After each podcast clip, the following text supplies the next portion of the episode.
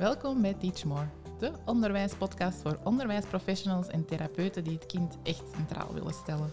Wij zijn Gert en Carolien, twee experts in de ontwikkeling van kinderen die jullie graag inspireren met een portie ideeën, vernieuwde inzichten en theoretische achtergrond.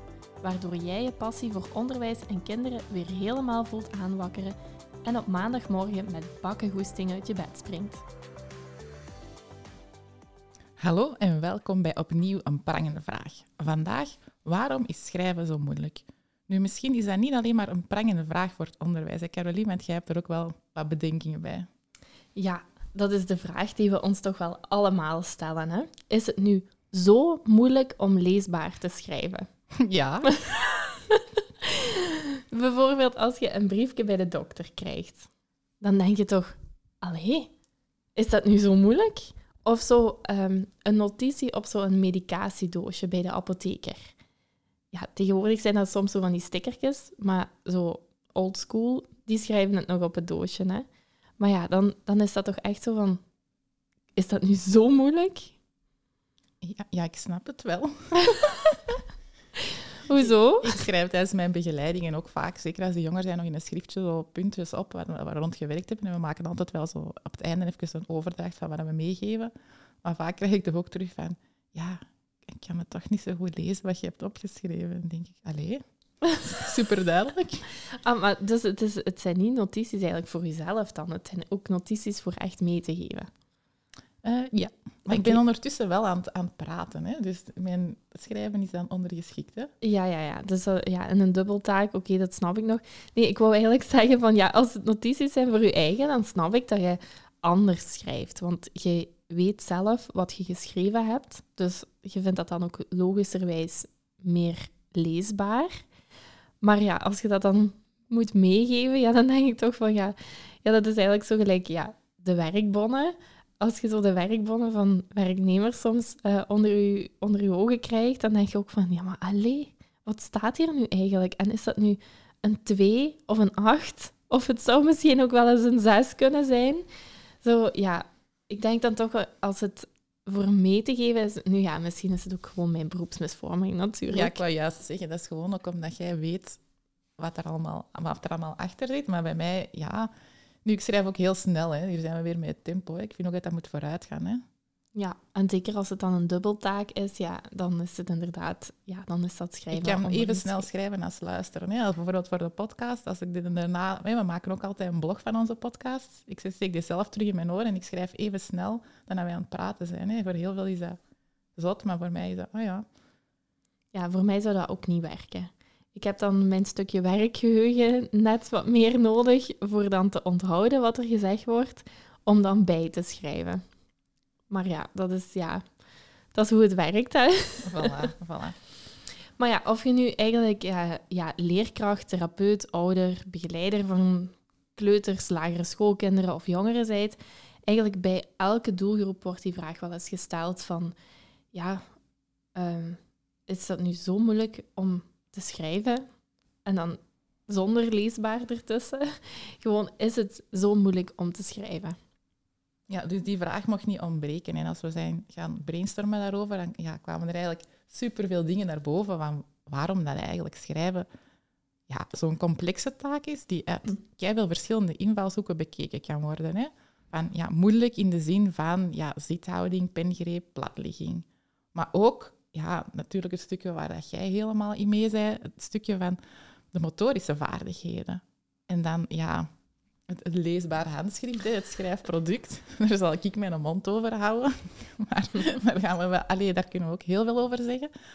Maar ook moeilijk in de zin van organisatie op het blad, je bladspiegel, daar uh, je weg in vinden. Um, moeilijk in de zin van het aanbrengen van letters en het uitvoeren daarvan. En dan wat ik heel vaak zie bij mij dan, is als ze het emotionele stukje, de gevoelens niet oké zijn, dan zie je dat ook gewoon in dat geschrift. Dan komt daar ook niks leesbaar of duidelijk op dat blad. En dan zitten we daar ook echt gewoon met een blokkade om daartoe te komen. En dan hebben we nog het talige vlak, hè, spelling, zinsbouw, dat er ook allemaal nog bij, bij komt kijken. Dus er is, er is heel wat. En dan kunnen we misschien gewoon de podcast hier stoppen en hebben we het antwoord op de vraag waarom schrijven zo moeilijk. Het is gewoon ja, een super complexe taak. Hè. Er komt zoveel bij kijken. Dus ja, bij deze het antwoord. Zijn we klaar? Oké, okay, afsluiten. nee, nee. Ehm, nu, er zijn natuurlijk wel wat dingen die we vandaag specifiek willen delen. Hè. Ehm, we willen jullie vooral graag meenemen eigenlijk naar het stukje voorbereidend en aanvankelijk schrijven. En op die manier komen we eigenlijk bij de start van al het voorgaande wat, eigenlijk, uh, wat jij net noemde. Hè? Want uh, daar komt eigenlijk alles samen. Dus als we dan bij, dat, uh, bij het aanvankelijk schrijven, bij het voorbereidend schrijven, um, gaan beginnen, dan, dan gaan we de lading wel kunnen dekken veronderstel ik. Ja, ik denk ook gewoon dat geen is dat we eigenlijk willen doen. Hè. Terug naar die kern gaan. Hè. Waar moeten we beginnen? Ja, die fundamenten eigenlijk goed leggen. Nu ja, als we naar dat uh, voorbereidend schrijven gaan, dan ja, dat start eigenlijk al vrij jong. Want vanaf het moment dat we kinderen een lang, en ik, ik doe het hier met uh, tussen aanhalingstekens, lang voorwerp eigenlijk aanreiken, om een impressie op papier te brengen, dan moeten we er eigenlijk bewust van zijn dat we op dat moment eigenlijk de pengreep beginnen inoefenen. Dus je bedoelt als een potlood of een pen gegeven wordt, of een stift? Ja, en dan heb ik het over een lang voorwerp, omdat um, wanneer dat we bijvoorbeeld een uh, waskokrijtje of iets dergelijks gaan aanreiken, dan uh, gaat dat eigenlijk meestal wel op een hele goede manier vastgepakt worden. Maar we zijn eigenlijk al heel vroeg um, met over te gaan naar die lange voorwerpen. Dus wanneer dat we eigenlijk zo een, een potlood, een gewoon potlood of een pen geven, ja, dan, dan is het eigenlijk... Um, um, dan, dan gaat je merken dat je eigenlijk die pengreep, dat je die uh, begint in te oefenen. Dus heel vaak wordt er gezegd van ja, in het eerste leerjaar, ze hebben geen goede pengreep. Um, maar eigenlijk ja, begint het zelfs al soms voorschools. Want dan uh, werken we eigenlijk ook al met uh, penselen of met pennen of we geven een potlood. Dus en, en dat is eigenlijk het moment waarop dat we die pengreep beginnen in te oefenen. Want um, ja, ik zeg het op die manier, omdat we ons er gewoon bewust van moeten zijn. Want het dat automatiseren, dat inoefenen, dat gebeurt eigenlijk heel snel. Dus ik geef altijd zo het voorbeeld van een lichtknop. Stel nu, hè, je hebt um, uh, je hebt verbouwd of gebouwd uh, of je verhuist. En uh, uw lichtknop die staat aan de linkerkant van de deur. En ja, je gaat eigenlijk de kamer binnen. En eigenlijk van het moment dat je een keer of 10, 20 die, dat licht met die knop hebt aangedaan, dan is dat eigenlijk geautomatiseerd. En dan weet je dat daar de lichtknop staat, zonder dat je die lichtknop moet zien. Dus je gaat bijna automatisch die kamer binnenkomen en hup naar de linkerkant slaan voor het licht aan te doen. En zo snel is eigenlijk een, is iets geautomatiseerd. Dus van het moment dat we eigenlijk die pen of potlood beginnen aan te reiken aan de kinderen, dan zijn we dus aan het oefenen. En dan hebben ze eigenlijk al iets vastgelegd en is het heel moeilijk om dat er nog uit te krijgen, om het zo te zeggen. Hè? Want dan zeggen ze, want die nemen dat verkeerd vast, krijgen we dat er nog uit. Ja, en het is veel gemakkelijker om er iets uh, wat er nog niet is, voor daar een patroon aan te geven, dan een patroon dat al bestaat, voor dat eigenlijk te gaan aanpassen. Ik vind het ook goed dat je benoemt penselen, want daar zou ik niet direct bij stilgestaan hebben. Vaak denken we dan wel aan een potlood of een pen, maar ook penseel voor te gaan schilderen doen we eigenlijk net hetzelfde. Hè? Ja, ja, ja, het is daarvan dat ik ook zei van eh, een lang voorwerp. Nu, het is wat abstract natuurlijk, um, maar uh, ja, ja, penselen, alles eigenlijk wat je in de handje houdt, waarmee dat je dus een impressie op papier gaat zetten of op een vlak gaat brengen. Ja, en daarom dat je ook vaak in je, in je workshop zegt van als je materiaal te klein is hè, bij de grote, dus op een derde kleuterklas, dat er nog maar stompjes en zo over zijn, geeft die dan verder door aan de kleine of de jonge klasse, hè, omdat die er eigenlijk wel heel veel, veel aan hebben. Hè. Ja, die stompjes, die, um, of gewoon klein materiaal, want je kunt tegenwoordig ook uh, bijvoorbeeld de crayon rocks. Um, dat zijn hele kleine uh, wasko's, maar hetzelfde effect heb je met van die stompjes die in de hogere klassen, die we eigenlijk graag willen weggooien. Als je die doorgeeft naar de kleinere uh, kleuters, de jongere kleuters, dan, dan gaat je zien dat die, dat die vuistgreep dat die eigenlijk niet mogelijk is. Ja, je hoort het al, Caroline kan eigenlijk gewoon een hele aflevering praten over, over de pengreep. logisch. Dat is ook echt iets waar dat zij ongelooflijk veel van weet. Maar ja, we gaan natuurlijk ook even een beetje ruimer trekken dan alleen, alleen ehm, de pengreep. Dus ja, Nu, misschien komt er nog wel eens een aflevering over. Hè? Waarom is een pengreep... eh, Nee, geen seizoen over de pengreep, alsjeblieft niet. Ehm, maar misschien wel een aflevering van eh, waarom is een goede pengreep zo moeilijk? ja, daar kan inderdaad veel over verteld worden. Maar wat we wel kunnen meenemen, of wel gewoon meenemen, is dat dat schrijfgrief, dat zo dicht mogelijk bij de ontwikkeling van een kind eh, dient te liggen, dat we daar wel heel veel mee kunnen gaan voorbereiden, ook naar dat schrijven toe in een later proces. En ja, als je het daarover hebt, dan ja, springt ook sowieso die reflexen mee in mijn hoofd. Want ja, ehm, die Palmyre-reflex, om te kunnen gaan schrijven, ja, die moeten we wel eigenlijk doorgemaakt hebben om die bewegingen met onze vingers apart te kunnen gaan doen en tot dat schrijven of dat schrijfproces te komen. Hè. De, ik, ik noemde het daarnet al even, zo die vuistgreep van die lange voorwerpen. Dat is eigenlijk zo het signaal van dat, dat, nog, dat die palmaire reflex nog actief kan zijn. En dan, eh, dan, ja, dan bemoeilijkt het eigenlijk zo die aparte vingerbewegingen, hè, zodat eh, die fijne motoriek eigenlijk. Ja, en daar denken we direct aan, maar er zijn toch nog een heel aantal andere reflexen die ook nog bij dat schrijven een belangrijke impact hebben. Hè. Ehm, tijdens de themadag van Eerst bewegen dan leren, daar hebben we bijvoorbeeld, ja, daar zitten meerdere reflexen in, Ehm, maar bijvoorbeeld de STNR, eh, dat is een reflex wat ook bij die primaire reflexen hoort. En eh, die kan bijvoorbeeld, ja, of ja, eigenlijk alle ehm, overgebleven primaire reflexen, want die horen eigenlijk geïntegreerd of doorleefd te zijn na het eerste levensjaar, maar als die actief blijven, dan bemoeilijkt dat onze zithouding. En de STNR is zo eentje. Ja, en we hebben dat eigenlijk ook al kort of toch ook een beetje uitgebreider aangereikt als we het over lezen hebben. Want natuurlijk hangen die processen wel sterk aan elkaar, maar ik denk dat het goed is om die nog eens even uit te leggen hoe dat er juist uitziet en wat dat dan de impact is op dat schrijven zelf. Ja, je wilt dus eigenlijk weten, hoe zit dat dan? Ja. Letterlijk. Laat het, ja, voilà. Leg het eens uit. Ehm, het Maak eens een plaatje. Ja, ja eh, ik ga het proberen. Hè. Dus het beeld eh, bij een STNR, dat is eigenlijk eh, een kindje dat zo net wil beginnen te kruipen. Kunt je dat nog voorstellen? Poep in de lucht. Ja, we hebben het al ooit er nog over gehad. Hè. Dus die zitten eigenlijk met hun poep op hun onderbenen. Dus ehm, de, ze zitten eigenlijk op hun knieën. Hè. De benen zijn gebogen en de poep die leunt op de voeten. De romp is recht en dan gaan die zo echt wiebelen. Juist al zitten ze zo in de startblokken en kunnen ze zo elk moment zo beginnen te ah, zo vertrekken met kruipen. Dat is eigenlijk het beeld ehm, wat je in je hoofd moet hebben eh, wanneer dat we het over een STNR hebben. Nu, ehm, zittend op die knieën dus. En dan heb je ook ineens het beeld van wat dat reflex doet.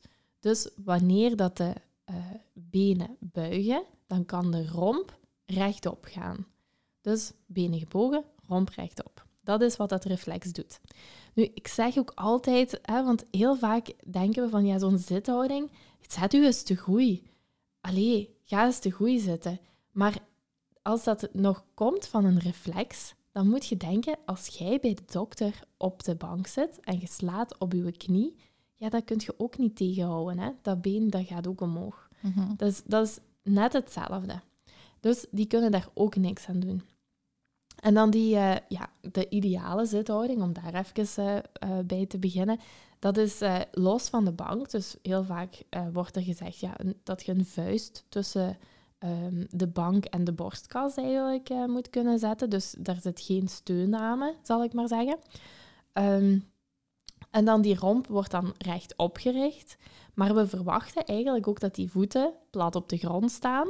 En ja, liefst zo wat voor de stoel, hè, dat, je, dat ze zo mooi recht zitten. Nu, je kunt u zelf eens observeren of wij ooit op die manier zitten. zou juist zeggen, hoeveel mensen zouden er eigenlijk zo zitten? Ja, eh, als ik dit in, in, de, in de workshop zeg, dan zie je zo dat iedereen zo wat begint te schuifelen en zich te goed begint te Zo wat zetten. ongemakkelijk voelt. Ja, van, maar oh, niemand, zit, niemand zit op die manier. Dus eh, dat, daar hoef je ook geen zorgen over te maken. Maar dat is wel wat we van, van kinderen dan verwachten.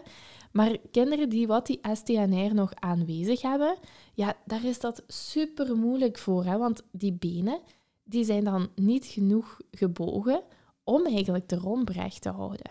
Dus Ehm, wat gaan die doen? Die gaan die, die benen meer naar achter brengen om dat reflex eigenlijk ehm, ja, te triggeren. En daardoor krijg je bijvoorbeeld kinderen die wat met hun ehm, voeten rond de stoelpoten zitten, of zelfs kinderen die wat effectief met hun knieën op de stoel, met hun poep op de voeten, op de stoel gaan zitten. Dus die wat dat reflex volledig ja, nadoen, eigenlijk nabootsen in hun houding om recht te kunnen zitten. Ja, en dan gaan compenseren eigenlijk. Want we denken van, oh, dat kan, kan eigenlijk niet goed zitten, maar, maar eigenlijk wel dus. Want anders kunnen ze er niet toe komen. Ja, zij hebben het nodig om hun romp recht te houden eigenlijk. Hè?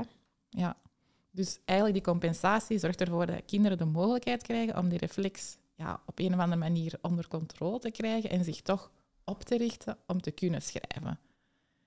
Dat is nu één voorbeeld van een reflex, maar ja, er zijn er nog een heel aantal en dat zorgt ervoor dat een zithouding op zich ja, al heel erg moeilijk kan zijn en ook een grote impact heeft op dat schrijven. Ehm, dat zijn ook reflexen waar, waar jullie aan werken als je het schoolprogramma Eerst bewegen, dan leren opstarten.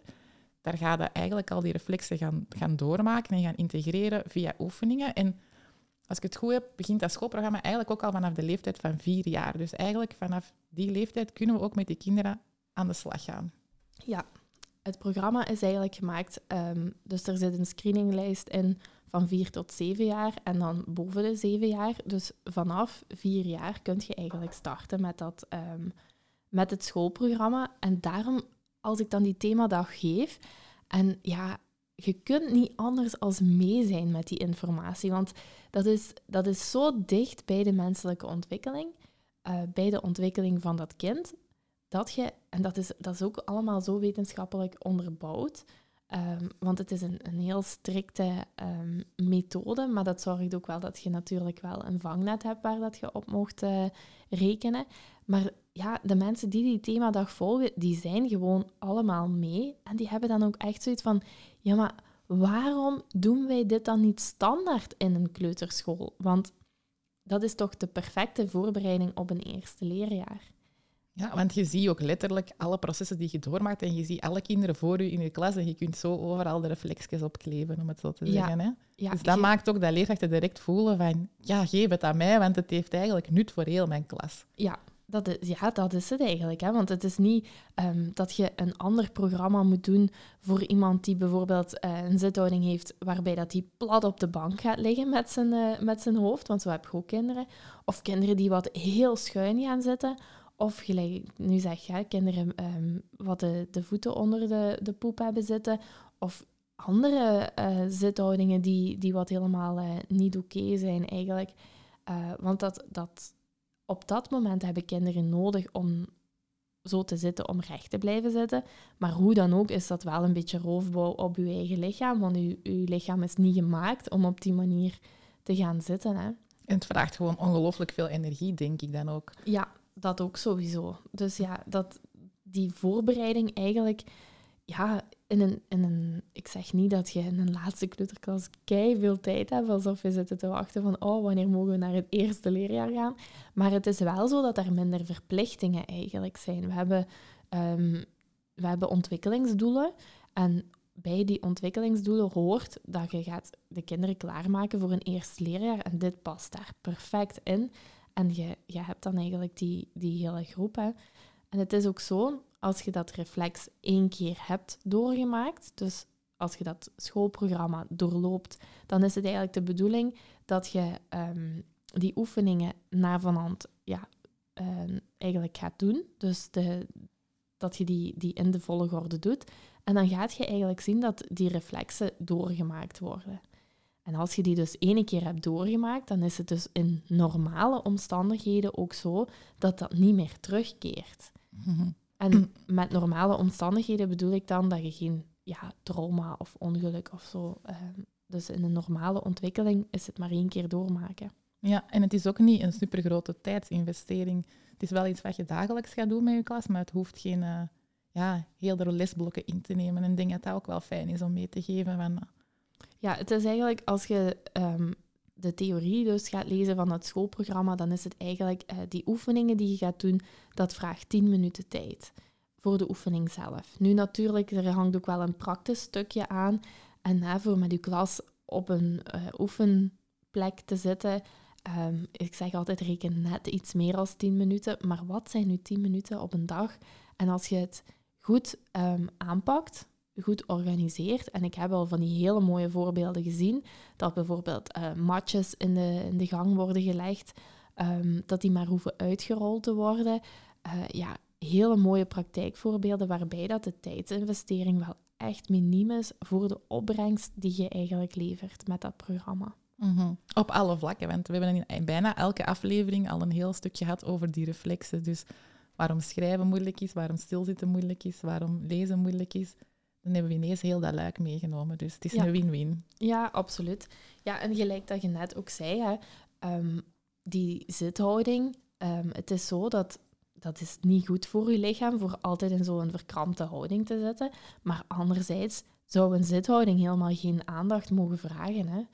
En, en dat is ook wat we, wat we merken. Als, we, als je zoveel aandacht moet geven en bewust moet bezig zijn met je zithouding, ja, dan gebruikt je eigenlijk al een heel groot deel van uw capaciteit dat vrij zou moeten zijn om nieuwe informatie op te nemen. Want we zijn in een eerste leraar en verder natuurlijk ook om nieuwe informatie op te nemen. Dus ja, daarvoor heb je capaciteit nodig. Ja, aandacht. Daar zeg je nog zoiets. Hè, dat die aandacht, die basisvoorwaarden om tot dat schrijven te kunnen komen, een executieve functie of een deelvaardigheid van de executieve functie, eigenlijk gewoon een basisvoorwaarde om tot leren te kunnen komen, hebben we ook gewoon keihard nodig, ook weer in dit stukje. Hè. Als die aandacht nog niet gericht kan worden op dat schrijfproces, dan komen we ook niet tot schrijven, uiteraard.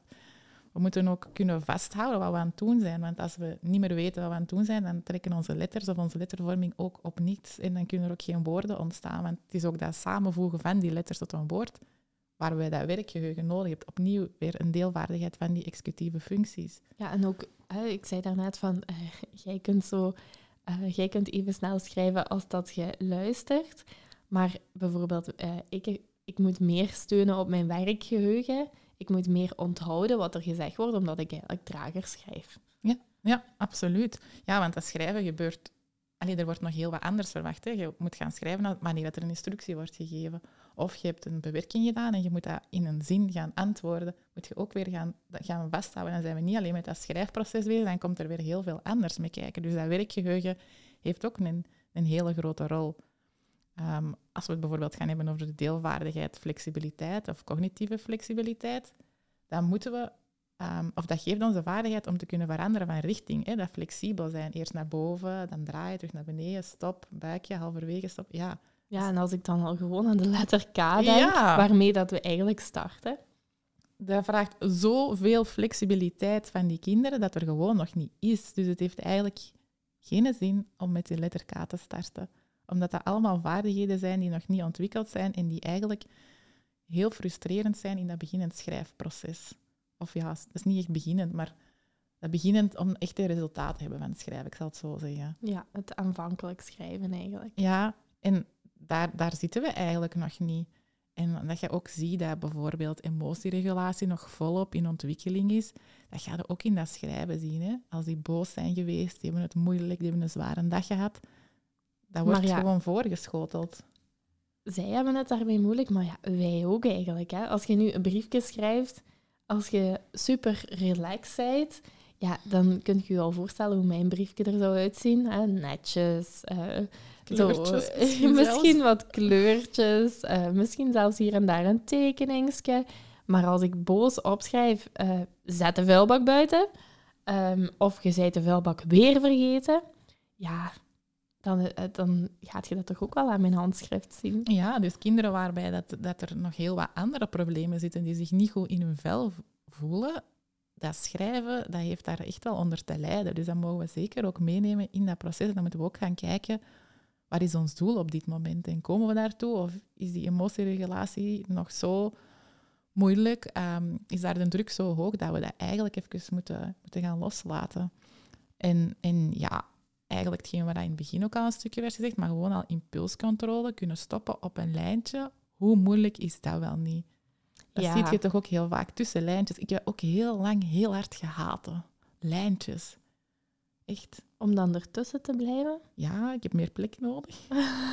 ik kan dus ook niet stoppen op dat lijntje. Dat zegt ook iets over grenzen, denk ik dan.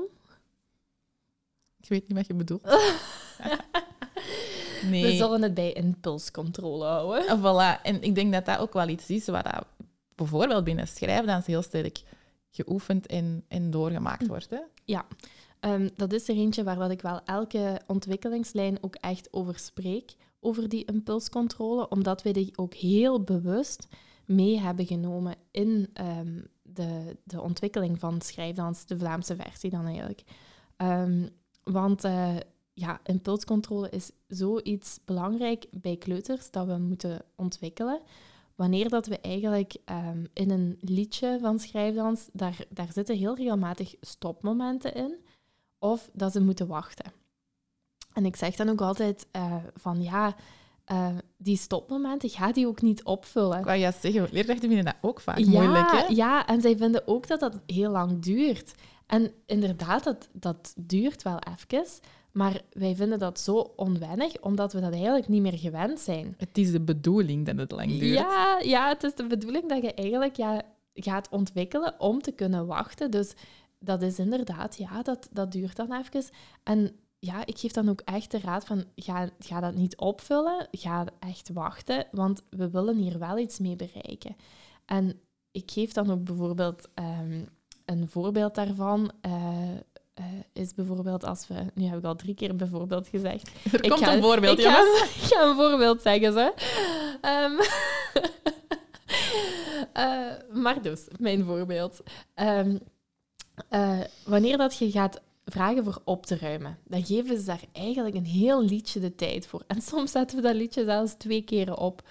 Dus daar merken we hoeveel tijd dat het nodig is om ten eerste van richting te veranderen, waar dat je het net ook over had, maar ook die impulscontrole om te kunnen stoppen met spelen en beginnen op te ruimen. Ja, dat is heel lang tijd. Hè? Ja, en je hebt ook gewoon heel veel oefening nodig van die vaardigheden. Dus als je dat overal mee gaat inzetten, omdat je dat ook nodig hebt om dan later op dat schrijven en andere vaardigheden te komen, ja, dat is eigenlijk het door, door een roosje-effect eigenlijk. Hè? Dat ze die gaan wakker maken door heel vaak te oefenen en te gaan trainen. Want dat komt niet vanzelf. Dat is niet ineens hoep en uh, we kunnen stoppen. Als de prins niet komt, dan blijft ze slapen. Ja, hè? Voilà. Dus wij moeten die gaan wakker maken en gaan trainen en onszelf daar ook in terug gaan trainen. Want we merken dat we dat voor onszelf ook heel moeilijk vinden om te wachten, te stoppen, niet iets anders te gaan doen. Ja, het is ook een hele... Um, in de samenleving is dat ook zo. Hè? Zelfs aan de kassa moeten we vaak niet meer wachten, omdat we daar um, met een zelfscan, hup, hup, hup... Of je pakt je gsm. Hè? Welk moment ja. wachten nog echt om zoiets ja, zonder iets te doen hè, in de wachtkamer of uh, rond te kijken. Ja, ja.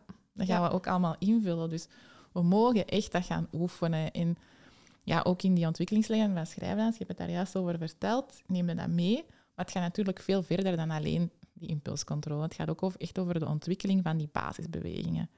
En omdat we heel bewust van zijn dat dat schrijven een moeilijke vaardigheid is, hebben we dat, ja, of is dat gereduceerd naar vijf basisbewegingen die um, ja, gelinkt zijn aan de natuurlijke ontwikkeling en dat dat zo is dat iedere lijn, ja, moet dat zeggen, de ontwikkeling van iedere basisbeweging zit daar heel mooi mee in. Ja, zit daar eigenlijk een lijn in. Hè? Ja. Dus um, wanneer dat we die, die basisbewegingen gaan kijken, het zijn er maar vijf. Dus bijvoorbeeld, we hebben dan als eerste de ronde en de achte. Maar in die ronde en de achte, daar zit eigenlijk nog een ontwikkelingslijn in. Een dus, opbouw bedoelde dan ja, zo? Ja. ja, dus een opbouw van waar dat we bij de jongste kleuter starten met bijvoorbeeld één cirkel, dan worden dat twee cirkels en zo wordt het opgebouwd tot eigenlijk een klaver 8 met alle tussenstapjes erin. Dus basisbeweging 1 is ronde en achten, maar in die ronde en achten zitten natuurlijk wel een, um, zitten een aantal bewegingen nog in verwerkt. En zo hebben we er dus vijf. Dus ronde en achten is nummer 1. Nummer twee zijn de arcades en guirlandes. Nummer drie zijn dan de rechten. Dus dat we eigenlijk in die ontwikkelingslijn van de rechten, dat we daar ook een eh, hele evolutie in zien. Dan gaat er ook een evolutie zijn in de golven en uiteindelijk ook in onze doorgaande verbonden lijn. Misschien mogen de arcades en guirlandes nog eens uitleggen. Voor u is dat zo... Ah ja, tuurlijk. Maar ik denk als je niet mee bent, dat dat ja, Chinees is. Vaktermen. Ja, voilà. Vakjargon. Um, arcades en guirlandes zijn eigenlijk uh, de lusjes naar boven en naar beneden. Dus die ontstaan vanuit een cirkel. En als je dan gaat cirkelen in een vooruitgaande uh, beweging, dan krijg je ofwel lusjes naar boven, met bijvoorbeeld ook als die lusjes dan tegen elkaar geplakt zijn, u'tjes eigenlijk, zo um, kleine ukjes. En als je naar de andere kant cirkelt, dan krijg je... Um, ik heb net de arcades gedaan. Ja. Dan, de arcades zijn de boogjes, excuseer. Oké. dus als je dus, uh, dan krijg je lusjes, bij arcades krijg je lusjes naar beneden en krijg je boogjes. En bij guirlandes krijg je lusjes naar boven en krijg je u'tjes. Het is moeilijk om uit te leggen, maar het is ook moeilijk om uit te voeren. Want ik vind dat ook wel een waar je heel veel, heel veel in ziet. En als je, ja, je merkt ook gewoon als jij die ontwikkelingslijn, dat je dat meeneemt, of dat je daarover hebt in vormingen, dat... Uh, ja, dat dat voor een heel team eigenlijk, ook al zijn ze niet bekend met schrijfdans, een enorme meerwaarde is. Ja, eigenlijk wanneer dat je die ontwikkelingslijn beet hebt, dan heb je eigenlijk kennis over heel, um, ja, heel de opbouw van het schrijven. En dat zorgt ervoor dat je heel gemakkelijk, of ja, dat je inzicht krijgt in het differentiëren daarin. En dus, het is gelijk gezegd, als, um, ja, als iemand de ontwikkelingslijn komt volgen, vanuit een team, dan is het zo dat die vaak naar huis gaat of terug naar het team gaat met eigenlijk heel wat informatie waar dat de andere teamleden ook mee aan de slag kunnen. En dan gebeurt het dus vaak dat we op dat moment gevraagd worden voor in dat team um, de ontwikkelingslijn volledig te gaan geven. Zelfs al als ze schrijfdans niet gebruiken. Want onlangs kwam ik zo in een school, lag een hele andere methode klaar. Ik zeg, oei, jullie hebben de foute nascholing geboekt, zeg ik zo met een lach en een zwaai. Ja, ik stond daar toch, dus ja. maar het was dus uh, uh, met opzet dat ze eigenlijk, um, ja, ook al hadden ze een andere methode, die ontwikkelingslijn, die vonden ze zo belangrijk en die, die had hen zo geïnspireerd om eigenlijk aan de slag te gaan en te kunnen differentiëren dat, um, dat ze zeiden van ja, eigenlijk moet iedereen wat uh, schrijfonderwijs geeft, moet deze informatie weten. Ja, ik vind zelfs gewoon onderwijs. Hè? Want schrijfonderwijs en kleuterjuf gaat zich daar niet altijd bewust van zijn dat zij dat ook geven. Hè? Ja. Als peuterjuffen en zo, heel vaak wordt er gezegd, maar wij kunnen eigenlijk nog niet veel doen. Hè? Ja, er zijn een aantal hogescholen waarbij dat we nu de ontwikkelingslijn mogen gaan geven. Um, maar ja, andere um, scholen die investeren daar niet zoveel uh, tijd of, of ja, want het is uiteindelijk wel lestijd wat wegvalt en in die curriculums verandert er nog wel alles wat. Um, dus dat, dat loopt verschillend, maar heel vaak, ook als ik jonge uh, leerkrachten bij mij in de ontwikkelingslijn heb, dan, dan zijn die verbaasd van waarom waarom vertellen ze ons dit niet op school? Ja, ik vond dat ook echt wel basiskennis. Echt gewoon de tips en tricks die je daar meekrijgt. Weet hoe dat je met materiaal moet omgaan, hoe dat je iets kunt opbouwen, hoe dat je kunt gaan differentiëren. Dat heeft ook wel mijn ogen geopend hoor. Ja, op, en eigenlijk zijn, is dat maar op drie of vijf uur tijd. Wat, en ja, je, je kunt daar ook zoveel koppelen. Um, die lateralisatie, de observaties in de klas, uh, de dingen die je effectief ziet. Nu, het is ook gewoon echt kennis uit de praktijk, die ontwikkelingslijn. Het komt niet uit, uh, uit de boekjes. En dat is wat we, wat, wat we willen. Hè. Als we één keer voor die klas staan, dan willen we gewoon weten, wat moet ik hier nu doen? Ja, en ik denk ook die brug om dan echt tot dat schrijven te komen, wordt ook heel mooi gemaakt. Hè. Die basisbewegingen die zijn dan weer nodig om tot letters te komen. Hè. En, ja. ja, want heel vaak wordt er zo'n kloof gezet van in de kleuterschool hebben ze niet goed geoefend, of in de lagere school, dat, dat is toch zo wel een gevoelig topic of thema. Hè? Ja, ja, als je dan voor zo'n heel team staat, dan uh, wie is het geweest, hè? die pengreep, wie moet daar nu eigenlijk aan werken en wie niet? En, en ook zo met de letters, ja, um, dan, dan merk je van ja, in de kleuterschool um, kon dat nog niet, maar ze gaan dan wel al schrijven. En wat bedoel ik dan concreet? Um, bijvoorbeeld in kleuterklas 3 um, zeggen ze vaak van ja, die monstergolven, eh, nee, daar ben ik toch niet aan toegekomen, want dat was nog heel moeilijk voor ze. Oké, dat kan. Hè. Dat, het kan dat bepaalde klasgroepen niet komen tot een bepaalde basisbeweging. Maar wat doet je dan eigenlijk met die informatie? Want gaat je dan uh, dat doorgeven aan de leerkracht van leerjaar 1 en gaan zij daarop verder werken? Heel vaak gebeurt dat deeltje niet. En dan beginnen we toch gewoon in september met schrijven, zoals de schrijfmethode dat voorstelt. Tussen de lijntjes. Tussen, tussen de lijntjes, ja. Of op het lijntje. um, maar ja, stel als je de monstergolven niet kunt maken, uh, wat doe je dan met de A, de C, de D, de G? Want dat zijn eigenlijk alle letters die wat ontstaan uit die basisbeweging. Dus ja, het is een beetje hypocriet om te zeggen van ja, in juni, nee, mijn kleuters zijn er nog niet aan toe. En dan ja, in september, twee maanden later, zonder dat er nog één vorm van schrijfonderwijs geweest is, gaan we toch gewoon die letters schrijven. Ja.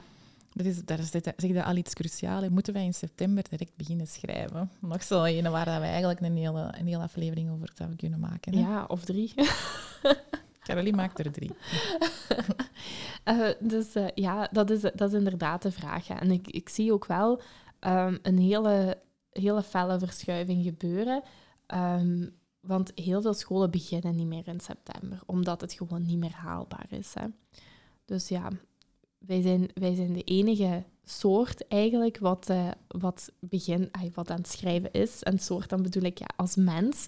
Wij zijn de, de enige wat eigenlijk schrijven als vorm van communicatie. Dus we weten dat het een complexe taak is. En we weten um, dat het steeds moeilijker wordt omdat de oefening uh, die er nodig is, motorisch, grootmotorisch, kleinmotorisch, is dat gewoon een hele... Um, ja, de oefening wordt anders en daardoor wordt het schrijven moeilijker. Ja, er wordt weinig geoefend, want wij zijn ook even zo cijfers er gaan bijnemen. En cijfers van voor coronaperiode, was dan van een onderzoek in Nederland. Dat toonde aan dat tussen de 30 en de 40 procent van de kinderen eigenlijk moeite heeft met leren schrijven. Dat is echt superveel, hè? Ja, dat is, dat is eigenlijk heel veel. Maar anderzijds, tijdens de workshops hoor ik dat mensen dit wel echt merken, dat er zoveel schrijfproblemen zijn. Ja, en dan helemaal na corona. Is er een tijdperk na corona? Of gewoon met de impact van corona, niet meer nog voor de coronaperiode. Ik denk dat we daar ook gewoon ons door een roosje van de veel hebben laten slapen. Ja, ja, ja, we hebben allemaal ons best wel gedaan om het op te vangen. Um, we hebben naar, naar alternatieven gezocht, maar ook daar was het, ja, de thuissituaties van de kinderen waren zo bepalend voor wat dat die kinderen aangeboden kregen uh, op dat moment, wanneer dat er thuisonderwijs was, dat, we, dat er inderdaad een aantal het door een roosje hebben laten slapen. Ja, en, en dat juffen nu, hè, of juffen, meesters even goed, hè, maar leerkrachten van een eerste en tweede leerjaar met hun handen in het haar zitten en, en zo denken van ja, wat gaan we eigenlijk doen? En, ja, die verschuiving is er niet alleen daar, maar ook gewoon digitalisering. Hè? Moeten we kinderen nog leren schrijven? Dus dat is toch denk ik ook wel een vraag die af en toe wel eens op een workshop naar boven komt. Hè? Ja, en meestal zijn dat de mannen. Als er zo mannen bij zijn in de workshops, uh, en ook uh, als ik het in de praktijk eigenlijk merk, uh, en je, je doet een, een oudergesprek, dan zijn het meestal de mannen die wat zeggen van, um, ja, maar is het eigenlijk nog wel nodig dat ze leren schrijven? En ook daar zijn er een aantal onderzoeken. Uh, vroeger was het zo de uitspraak wie schrijft, die blijft. Als je officieel gaat zoeken wat dat eigenlijk betekent, is dat iets van boekhouding of zoiets. Hè? Dat je moet opschrijven um, welke werken dat je hebt uitgevoerd en zo. Maar uh, we, steeds meer gebruiken wij die uitspraak ook effectief voor letterlijk schrijven. Wie schrijft, die blijft. Want we gebruiken, je bent ermee begonnen, hè? we gebruiken schrijven voor onze emoties op te schrijven. We gebruiken schrijven ook voor, voor heel veel andere dingen dan gewoon ja, de gsm en de, het, uh, het digitale kan niet alles vervangen. Hè? Ja, wel. En vorige keer, een vorige aflevering, ik, ik schrijf bijvoorbeeld om mijn aandacht er eens bij te houden, om te kunnen luisteren. Om dingen eigen te maken, om dat vast te leggen, om dat naar, in je geheugen vast te zetten. Dus ja, dat schrijven heeft nog wel meer... Uh... Ja, um, in het boek van Focus aan, Focus uit, dat heb ik ook al even uh, aangehaald toen, daar staat ook in dat eigenlijk uh, studeren door gewoon te lezen, dat werkt niet. Dus ook daar, als je gaat schrijven, dan studeert je eigenlijk veel beter. Nu, er is wel een kanttekening bij, want er zijn kinderen waarbij schrijven zo veel energie blijft vragen dat er eigenlijk niet meer geleerd wordt. En dat er, hè, dus als ze iets moeten opschrijven, dat ze eigenlijk gewoon niet meer weten wat ze aan het schrijven zijn, of dat dat voor hun geen betekenis heeft, maar al die energie naar dat schrijfproces zelf gaat. Ja, en dan zijn er natuurlijk ook wel oplossingen. Hè? Ja, ik, maar ik had dan wel weer een ander verhaal van een jongen die een overstap had gemaakt naar buitengewoon onderwijs. En die zou nu eigenlijk in een in vijfde leerjaar zitten. Cognitief eigenlijk heel sterk, maar omwille van andere problematieken, onder andere autisme en ADHD, zat hij in het buitengewoon onderwijs. En daar werkte ze met een andere schrijfmethode. En um, omdat hem heel slordig werkte, werden er terug schrijfmaatjes van zo schoonschriftachtige dingen. Zichtelijk en vlot, of hoe heet dat allemaal? Ik ga hier nu geen methodes, maar ik heb daar gewoon een hekel aan, aan schoonschrift en schrijf, uh, schrijfoefeningen. Maar die moest dus terug opnieuw die hoofdletters gaan aanleren om mooi te schrijven. Nu, je kunt al raden hoe dat blaadje er gaat uitzien, of niet? Ja, bij mij klopt dan direct de vraag op van, is dit een schrijfprobleem? Ja, en ik heb zoiets, moeten we in een vijfde leerjaar mooi gaan leren schrijven, dan zie je toch dat iedereen zijn eigen letters vormt en dat je schrift zo eigen maakt en dat er in een andere fase zit. Of is dat ook fout? Nee, nee, nee, nee, dat is absoluut juist, want dat is wat er gebeurt. Hè. Ehm, we brengen letters op een bepaalde manier allemaal hetzelfde aan, maar dan eigenlijk vanaf een vierde leerjaar begint dat zo wat, halverwege vierde leerjaar, dan, dan wordt dat schrift eigenlijk een eigen identiteit. En dat is, dat is helemaal oké en dat mag ook, want um, schrijfdans komt eigenlijk vanuit Nederland en Ragnilde, uh, die wat eigenlijk schrijfdans heeft ontwikkeld, um, zij heeft dat gedaan vanuit de grafologie. En grafologie wil eigenlijk zeggen dat als jij een A4'tje neerschrijft, dat je aan de hand van je handschrift kunt zeggen uh, wat voor een persoon dat jij eigenlijk bent. En ja, dat zit er echt heel, heel uh, los op als je, als je zoiets uh, ziet en hoort. En dus vanaf eigenlijk het vierde leerjaar merk je dat die kinderen ook hun eigen identiteit gaan ontwikkelen. En dat gebeurt er dus ook in het handschrift. Dus er komen kenmerken voor in de handschrift wat gewoon eigen zijn aan die persoon. Dus ja, die letters opnieuw gaan aanbrengen, goh, ik vind dat eigenlijk vrij rigide, want dan kun je beter ehm, gaan kijken van wat werkt hier wel. Misschien is het goed voor gewoon een drukletter als hoofdletter te schrijven, maar dat dat zo nog via die, of dat dat nog een hoofdletter moet zijn volgens die methode die die school aanbrengt, dat is eigenlijk voor een vijfde leraar dan spreek ik niet over een schrijfprobleem. Ja, ze zijn niks aan het leren. Hè? Alleen is eigenlijk gewoon een nieuwe taal, want dat zijn weer terug andere letters en ja. dan denkt ook, wat is het nut? Hè? Want dus ik denk dat het ook wel heel belangrijk is om altijd in je achterhoofd te houden. Eén, welke leeftijd? Wat is het nut hier? Wat, hoe ver zitten we in dat proces? Zijn er al dingen aangeleerd geweest? Of, hè, want we willen dan zo mooi leren schrijven. Of je merkt bijvoorbeeld in een vierde, vijfde leerjaar heel, dat heel verkrampt schrijven. Ik denk dat je dan moet gaan kijken, oké, ja. wat gaan we dan doen? Wat gaan we hiermee doen? Eigenlijk mogen we ervan uitgaan, wanneer gaan we een interventie doen op schrijven? Dat is wanneer dat er een schrijfprobleem is.